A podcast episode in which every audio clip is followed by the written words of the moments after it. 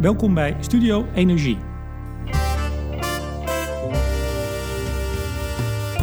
Vanaf 2020 moet de elektriciteitssector in Nederland extra gaan betalen voor hun CO2-uitstoot. Met een zogenoemde CO2-minimumprijs hoopt het kabinet de zeer ambitieuze klimaatdoelstelling te halen. Maar tegen de maatregel is inmiddels fel verzet.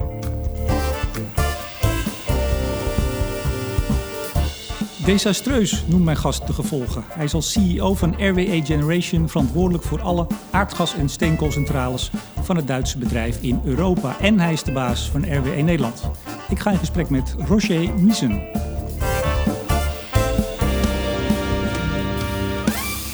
En ook deze uitzending wordt weer mede mogelijk gemaakt door de Nutsgroep en Team Energie van Ploem Advocaten.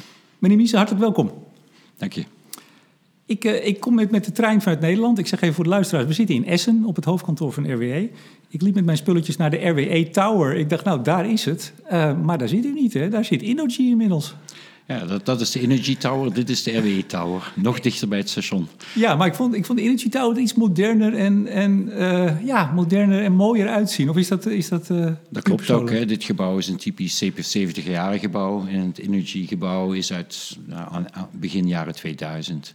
Maar wij gaan ook een nieuwe campus bouwen en daar zitten we vanaf uh, 2020. Maar, maar RWE is daar ook uitgetrokken. Hè? Toen Energy zeg maar, werd gestart, is, is dat eigenlijk dus de, het mooie blinkende hoofdkantoor van de, de nieuwe toekomst geworden? Klopt. En daarvoor was dit het hoofdkantoor van uh, Generation. En daar hebben we al de collega's die daar uitgetrokken zijn ontvangen. Kijk eens aan. Want u bent CEO van RWE Generation. E even kort, wat, welk, welk onderdeel is dat binnen de RWE-familie? Ja, RWE Generation, daar zitten zoals jij al zei de gas- en steenkolencentrales in, maar ook waterkracht en biomassa. Oké. Okay. U was eerst Chief Technology Officer en 1 januari bent u de, de hoogste baas geworden. Klopt. Sinds 1 januari ben ik CEO. Oké.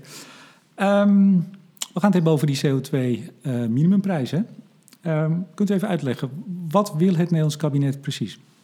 Nou, de gedachte van het Nederlandse kabinet is om in Nederland een CO2-minimumprijs in te voeren. Dat wil zeggen dat er een prijs voor CO2 komt voor de elektriciteitssector en de industrie.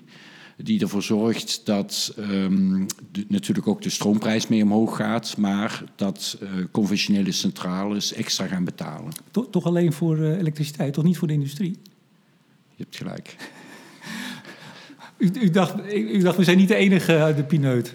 Nee, klopt. Maar de industrie is ook wel de pineut hoor. Want op het moment dat je het ook alleen voor de elektriciteitssector invoert, dan gaat natuurlijk ook de stroomprijs omhoog. En dan zal de industrie ook aan mee moeten betalen. Het is wel zo dat een aantal partijen in hun verkiezingsprogramma inderdaad hadden staan om ook de industrie, hè, de, alle ETS-sectoren uh, te heffen. Uh, klopt, maar zo staat het inderdaad nu niet in uh, het regeerakkoord. Oké. Okay. 18 euro in 2020, daar moet het mee beginnen. 43 euro in 2030. Nou begrijp ik van het Planbureau voor de Leefomgeving, zij rekenen met een ETS-prijs in 2030 van 18 euro. Dat betekent dat er zo'n 25 euro bovenop komt. Klopt. Wat betekent dat voor RWE in Nederland? Ja, dat betekent dat je de elektriciteitscentrales in Nederland duurder maakt dan de centrales in het buitenland. En dat betekent dus dat het buitenland elektriciteit naar Nederland gaat importeren en de elektriciteitscentrales in Nederland uit de markt gedrukt worden. Ja betekent dus ja, in concreto wat je eigenlijk doet is inkomen en welvaart uit Nederland naar het buitenland uh, transporteren en ook CO2-uitstoot naar het buitenland transporteren. Zonder dat dat in het grote geheel van Europa een positief effect heeft. Ja, want dat is het, hè? dat zegt u althans. Dat is uw grootste bezwaar, het exporteren van welvaart en CO2. Klopt. Um, Hoeveel, in hoezeer raakt het u nou uw bedrijf? Want dat is natuurlijk het grootste verwijt wat u gemaakt wordt. Die RWE-jongens die kijken gewoon naar hun portemonnee. Uh, ik zit even te kijken. Uw Eemshaven Centrale, 83 miljoen euro bij een tientje meer. Ja. Kom ik op ongeveer. U zit op 8,3 ja. megaton. Klopt. Nou, dat, dat verwijt is op zich uh, niet onterecht. Ja, natuurlijk kost, kost ons dat in Nederland geld. Voor RWE als geheel is het effect weer iets minder natuurlijk, omdat we ook gedeeltelijk profiteren met de centrales die we in Duitsland hebben. Dus de bruinkolen en steenkolen en gascentrales die we in Duitsland hebben, die zullen natuurlijk extra gaan produceren ten behoeve van Nederland. En ook gedeeltelijk mee profiteren van de hogere prijzen in Nederland. Dus voor RWE als geheel is het plaatje niet zo zwart-wit. Maar voor RWE in Nederland is het alleen maar negatief. Maar goed, wat een groter probleem is voor Nederland als geheel, is dat natuurlijk de leveringszekerheid uh, in gevaar komt, doordat de gascentrales uh, cashflow negatief worden. En dus één voor één uit bedrijf genomen gaan worden als dit doorgevoerd wordt. Ja, we, we komen zo even meer in detail op wat er nou precies gaat okay. gebeuren. Overigens, dat is ook iets wat Eneco zegt, hè? Gas wordt uit de markt gedrukt. Klopt. Oké. Okay. Hebben de collega's gelijk in. Ja, want u bent eigenlijk met z'n allen tegen. Hè? Ik zei het al in de intro, de hele sector, uh, uh, URWE, Eneco, Nuon, Engie, Uniper, u uh, loopt allemaal te hoop. Natuurlijk, je maakt Nederland een duurte-eiland, of anders gezegd het afvoerputje van Europa, creëer je je mee. Um, alle stroom uit het buitenland wordt naar Nederland getrokken, omdat de prijzen in Nederland kunstmatig hoog gehouden worden. Nou ja, wie kan daarvoor zijn? Ja. Tot nog heel even, kunt u de getallen aanhangen voor Nederland? Gewoon in, in euro's, miljoenen euro's, wat kost het u? Ja, wat het ons kost, uh, dat is ook per dag verschillend. Want het hangt ook van de CO2-prijs af die op dit moment in de markt is. Dus toen de maatregel aangekondigd werd in Nederland, was de CO2-prijs geloof 5 of 6 euro per ton. Uh, vandaag is hij al 13 euro per ton. Ten opzichte van de 18 die je zelf noemde dan zie je dat het gat alweer uh, enigszins gedicht is. Betekent natuurlijk ook dat de Belastingdienst minder inkomsten gaat krijgen als we nu invoeren. Okay.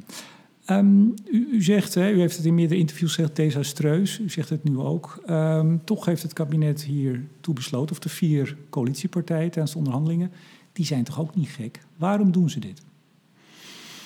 Nou, het idee daarachter is natuurlijk goed, want, of goed, valt te verdedigen. Want je, wat je, het idee daarachter is dat je in Nederland een prijs zet waarmee je de overgang naar hernieuwbaar eh, bevordert. Dat, Daar dat bent u ook voor? Dat is, dat is de grondgedachte daarachter. Toch, even toch? Daar bent de overgang naar hernieuwbaar zijn we zeker voor.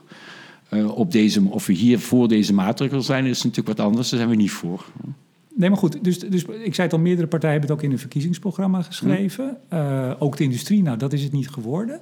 Sommigen hadden ook een, een hogere prijs al uh, bedacht.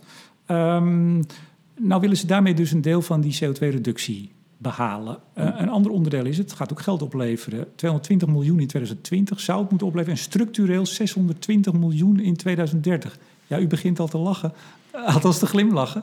Ja, dat, dat gaat natuurlijk niet gebeuren. Waarom gaat het niet gebeuren? Omdat je, het effect is dat je in Nederland druk je de centrales onder water. Uh, betekent... Welke precies? Nou, zowel de, gascentrales maak je cash negatief, dus die zullen de markt verlaten. Betekent ook dat ze niet meer gaan betalen voor die CO2-minimumprijs. De kolencentrales druk je ook omlaag.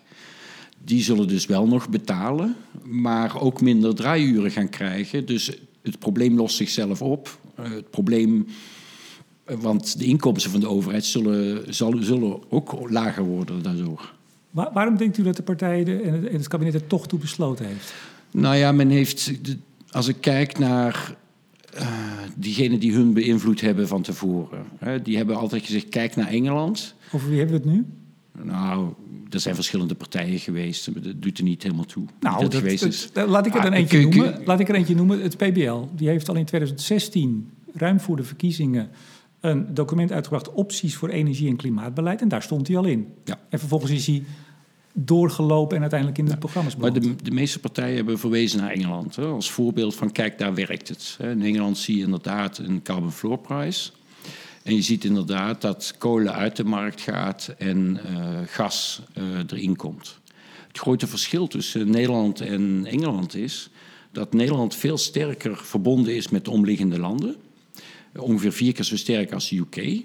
Dus waar het voor de UK onmogelijk is voor het buitenland om het land ja, te, te overspoelen met stroom, is dat voor Nederland heel goed mogelijk, omdat de verbindingen veel sterker zijn. Ja.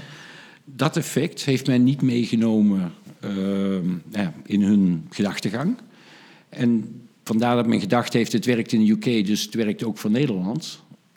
Maar in werkelijkheid is dat niet zo ik, ik kom zo even in detail terug op de Nederlandse situatie. Toch eerst inderdaad even naar Groot-Brittannië. Daar heeft hij eigenlijk heel goed gewerkt. Hè? Ik zag nog gisteren, ik geloof bij Reuters, een artikel dat de sector, de powersector, u ook wellicht, ik weet niet of u erbij zat, ook pleit om dat wel door te zetten. Omdat er ook weer stemmen opgaan in Engeland of in Groot-Brittannië om het te stoppen. Ja, dat klopt. Kijk, in, in dat, daar zit iets anders achter. Uh, het probleem is, je hebt beleid opgezet. Uh, dat beleid is lopend. Iedereen stelt zich in op het nieuwe beleid. Als je nu dat beleid opeens weer gaat veranderen, ja, dan krijg je weer twee, drie jaar van een vreemde dynamiek. Ehm, en en dat, daar heeft eigenlijk niemand behoefte aan. Dus vandaar dat er eigenlijk gezegd wordt: jongens, houd het nou zoals het is. Gaat niet weer lopen veranderen. Want ja, u, pleit daar ook voor in Groot-Brittannië als RWE? Ja, we zijn, we zijn het er mee eens dat het blijft. Uh, omdat ja, iedere verandering uh, leidt ook weer tot een gekke markt. Die, maar was u er ook voor toen die werd ingevoerd? Nee, nee zeker niet. Dus hij is er en dan, nou ja, dan moeten we het er maar mee doen. Dat is wat u zegt. Ja, dat klopt. Maar zoals gezegd, de effecten in de UK zijn anders dan de effecten in Nederland zullen zijn. Ja.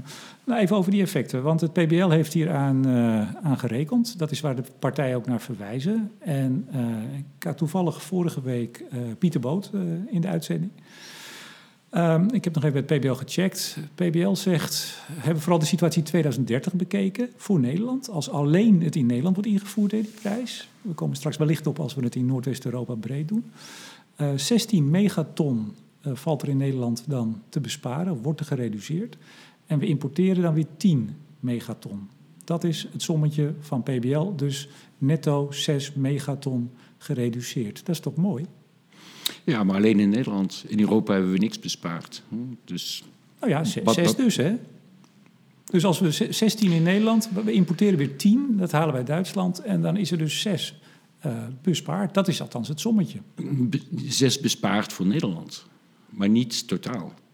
U zegt er gaat helemaal geen, geen, geen gram CO2 nee. minder de lucht in. Nee. nee, dat is ook logisch, want eh, je zou pas besparen als je op Europees niveau iets bespaart. En niet als je Nederland, Duitsland en omliggende landen. Maar goed, u weet, u weet toch ook, u bent de baas van de kolen- en gascentrales, dat uh, om de stroom op te wekken met gas stoot je minder uit. Dus op het moment dat die kolencentrales de markt uit worden gedrukt, dat is natuurlijk het grote doel. U glimlacht weer stoot je minder uit. Ja, de effect is natuurlijk dat in Nederland vooral de gascentrales uit de markt gedrukt worden en niet de kolencentrales.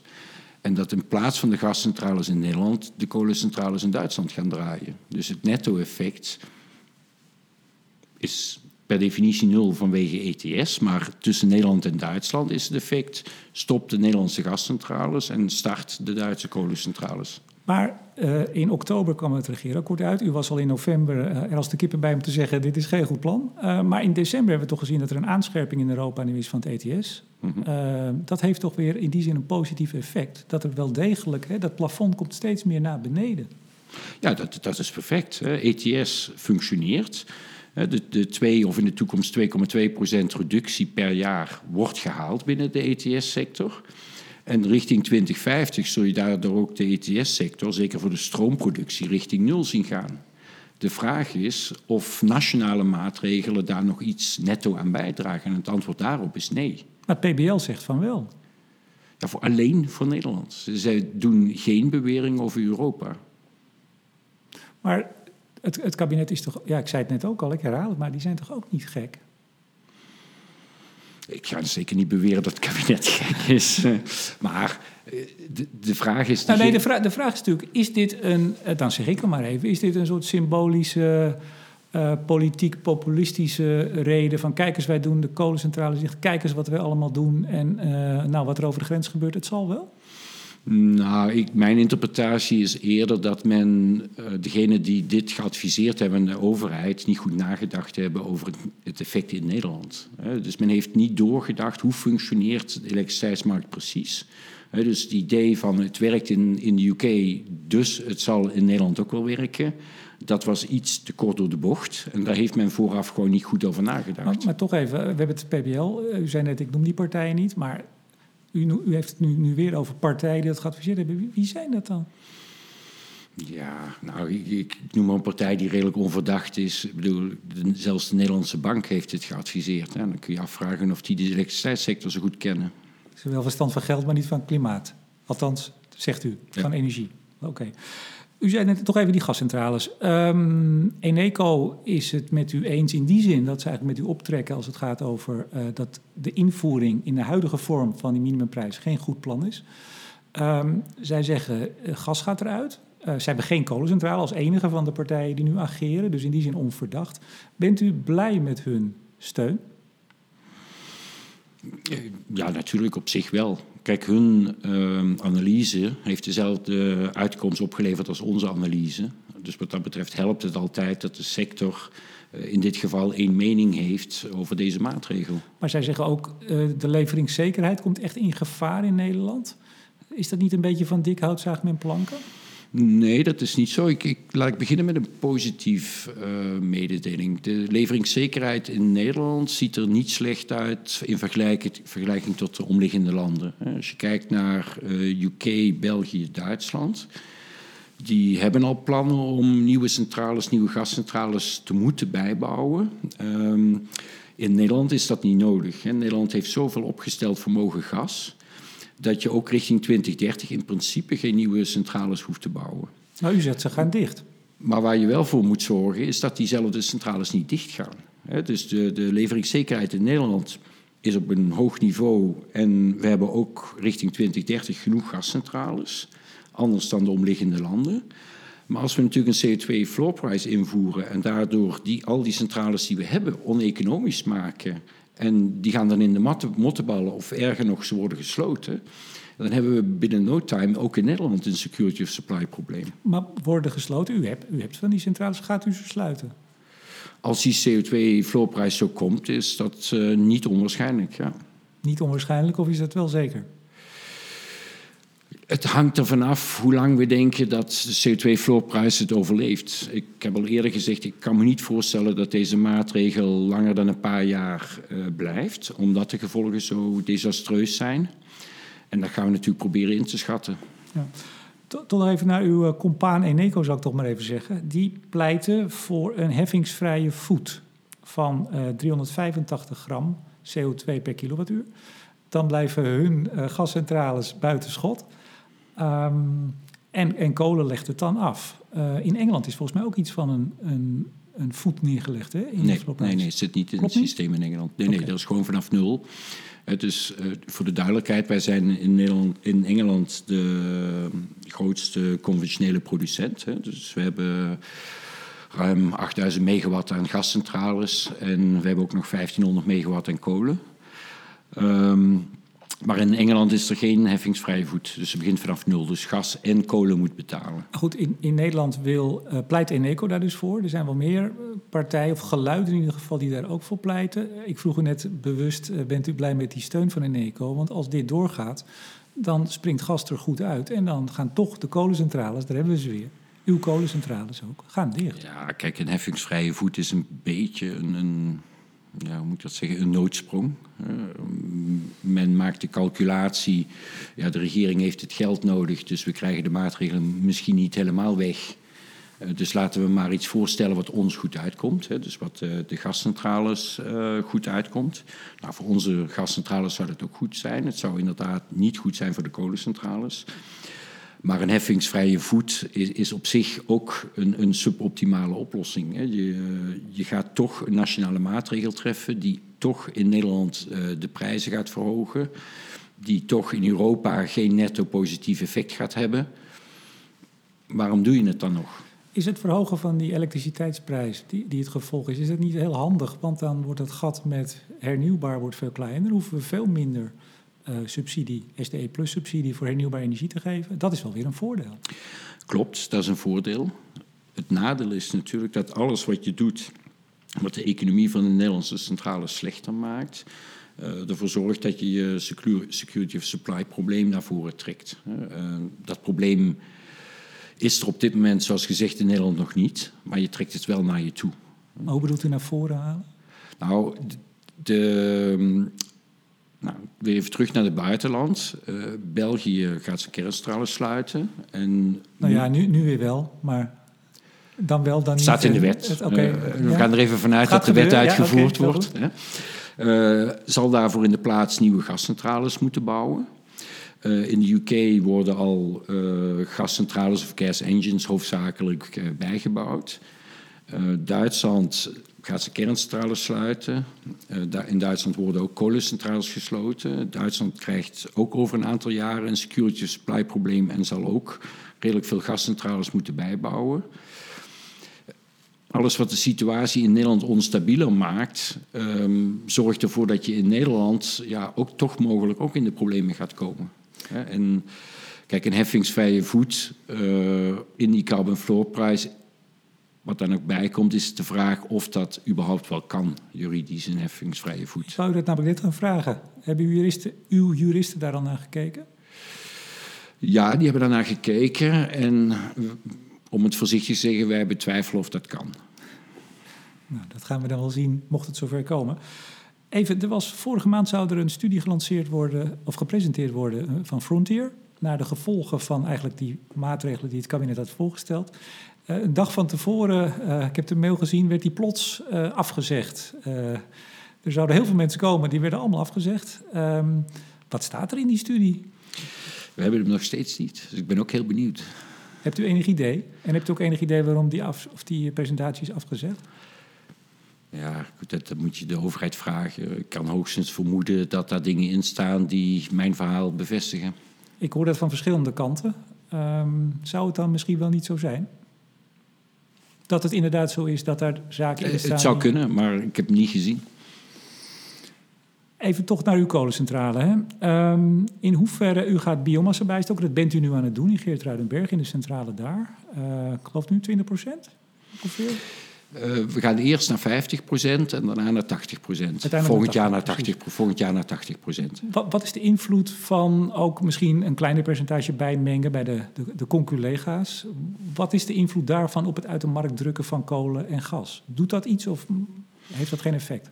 Het heeft zeker effecten, want uh, biomassa is CO2-vrij. Dus daar zul je ook geen, als er een CO2-voorprijs Volgens Europa, hè, uh, zeggen we dan. Ja, het is zo. Uh, Oké, okay, nou goed. Kunnen we het ook over hebben? Laten we die even laten zitten. Um, dus biomassa is CO2-vrij. Dat betekent dus hoe groter je percentage biomassa dat je meestookt, ja, hoe groter het percentage dat je niet hoeft te betalen voor die carbon floor price. Ja. Uh, maar de subsidie die daarop verkregen is, die loopt af. Uh, het regeerakkoord staat 2024, maar ik geloof dat het acht jaar is naar, naar start. Dus ik geloof dat u tot 2026 aan de slag kunt. Maar ja, het kabinet is toch wel heel duidelijk, dit kabinet althans, dat het daarna stopt. Dan hebt u dus wel een probleem. Als dat gebeurt, dan hebben we een probleem. Dan kunnen we, ja, we kunnen natuurlijk kijken van of we de biomassa goedkoper kunnen krijgen. Dan zouden we er wel mee door kunnen gaan. Uh, mogelijk met minder of geen subsidie. Maar, maar dat, dat zijn ontwikkelingen voor de toekomst. Niet zo realistisch, hè? Dat u het dan heel goedkoop kunt vinden. Um, we gaan het in ieder geval proberen. En zeker niet een grote aantal. Grote hoeveelheden. Nou, er, zijn heel, er is heel veel biomassa beschikbaar op de wereld. Um, en kijk, als je naar het IAA kijkt, die zeggen ook dat biomassa ook een belangrijke bijdrage moet leveren om het voor het CO2-vrijmaken van de elektriciteitssector.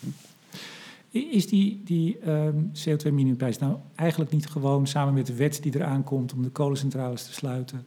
Ik gooi hem er maar even in. Vooral echt bedoeld om uw kolencentrales dicht te krijgen. Het is politiek en maatschappelijk zo'n groot heet hangijzer, die kolencentrales. Die moeten dicht, die zullen dicht, linksom, rechtsom minimumprijs, wet erop. U moet gewoon weg, u moet dicht, u bent een vervuiler. Eigenlijk staat in het regeerakkoord, hè? u vervuilt.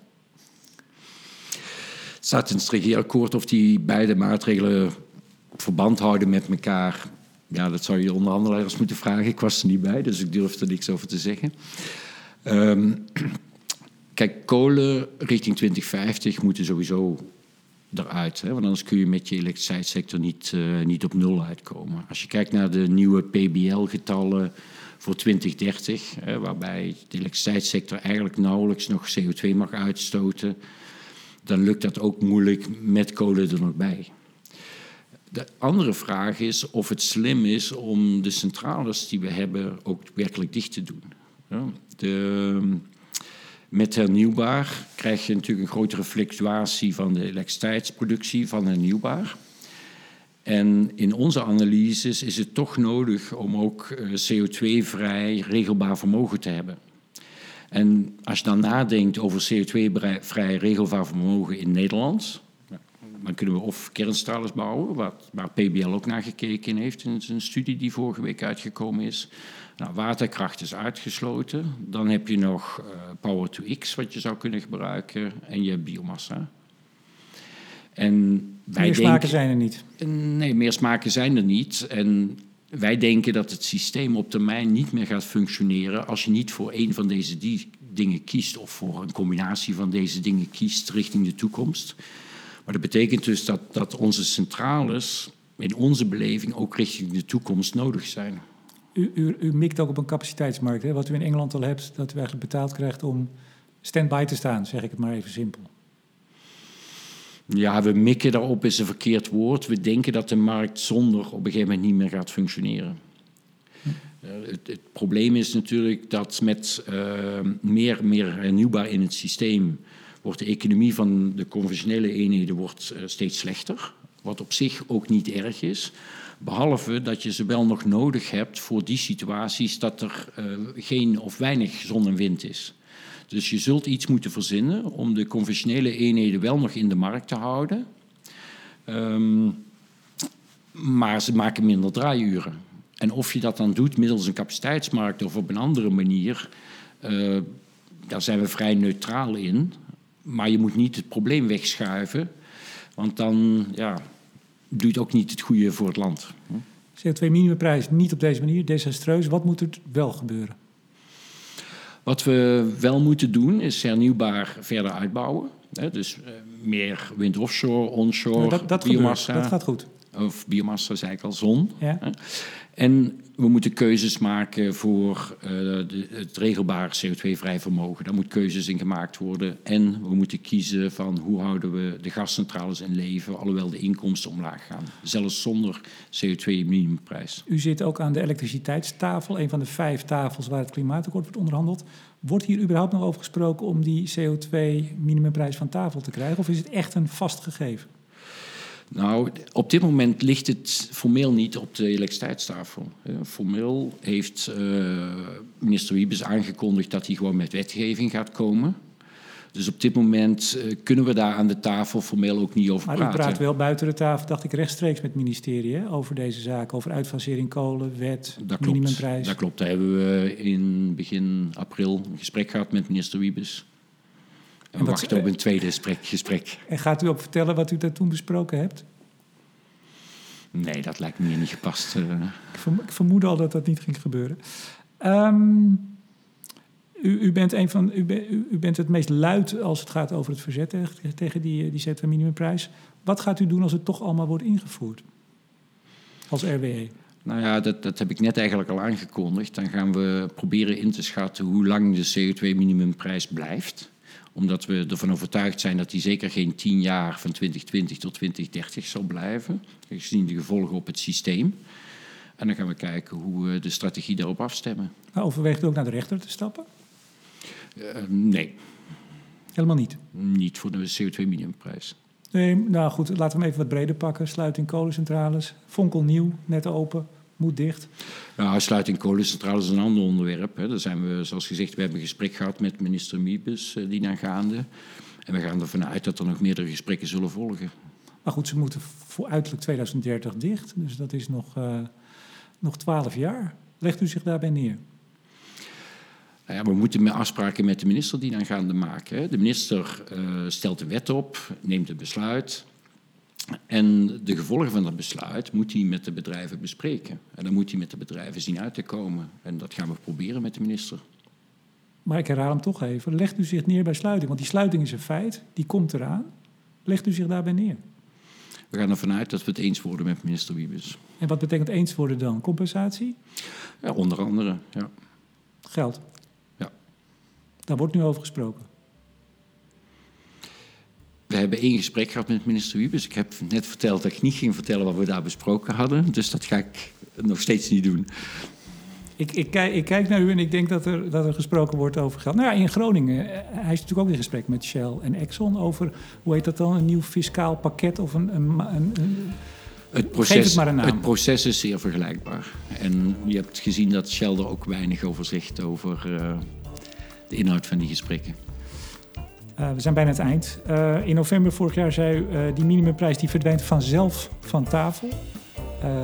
gaat die echt vanzelf verdwijnen? Want u, u, bent erg, u wint zich er nog wel over op als RWE. Als, als die vanzelf verdwijnt, hoeft u zich eigenlijk niet zo druk te maken, toch?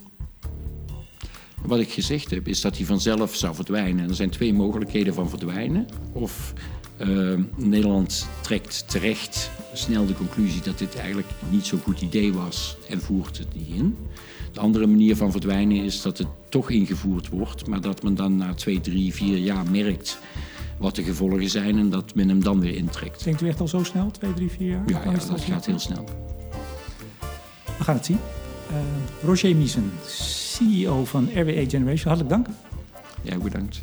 En ik bedank de Nutsgroep en Team Energie van Ploemadvocaten voor het weer mede mogelijk maken van deze uitzending. En uiteraard bedank ik jou, beste luisteraar, voor het luisteren. Mijn naam is Remco de Boer. Graag tot volgende week.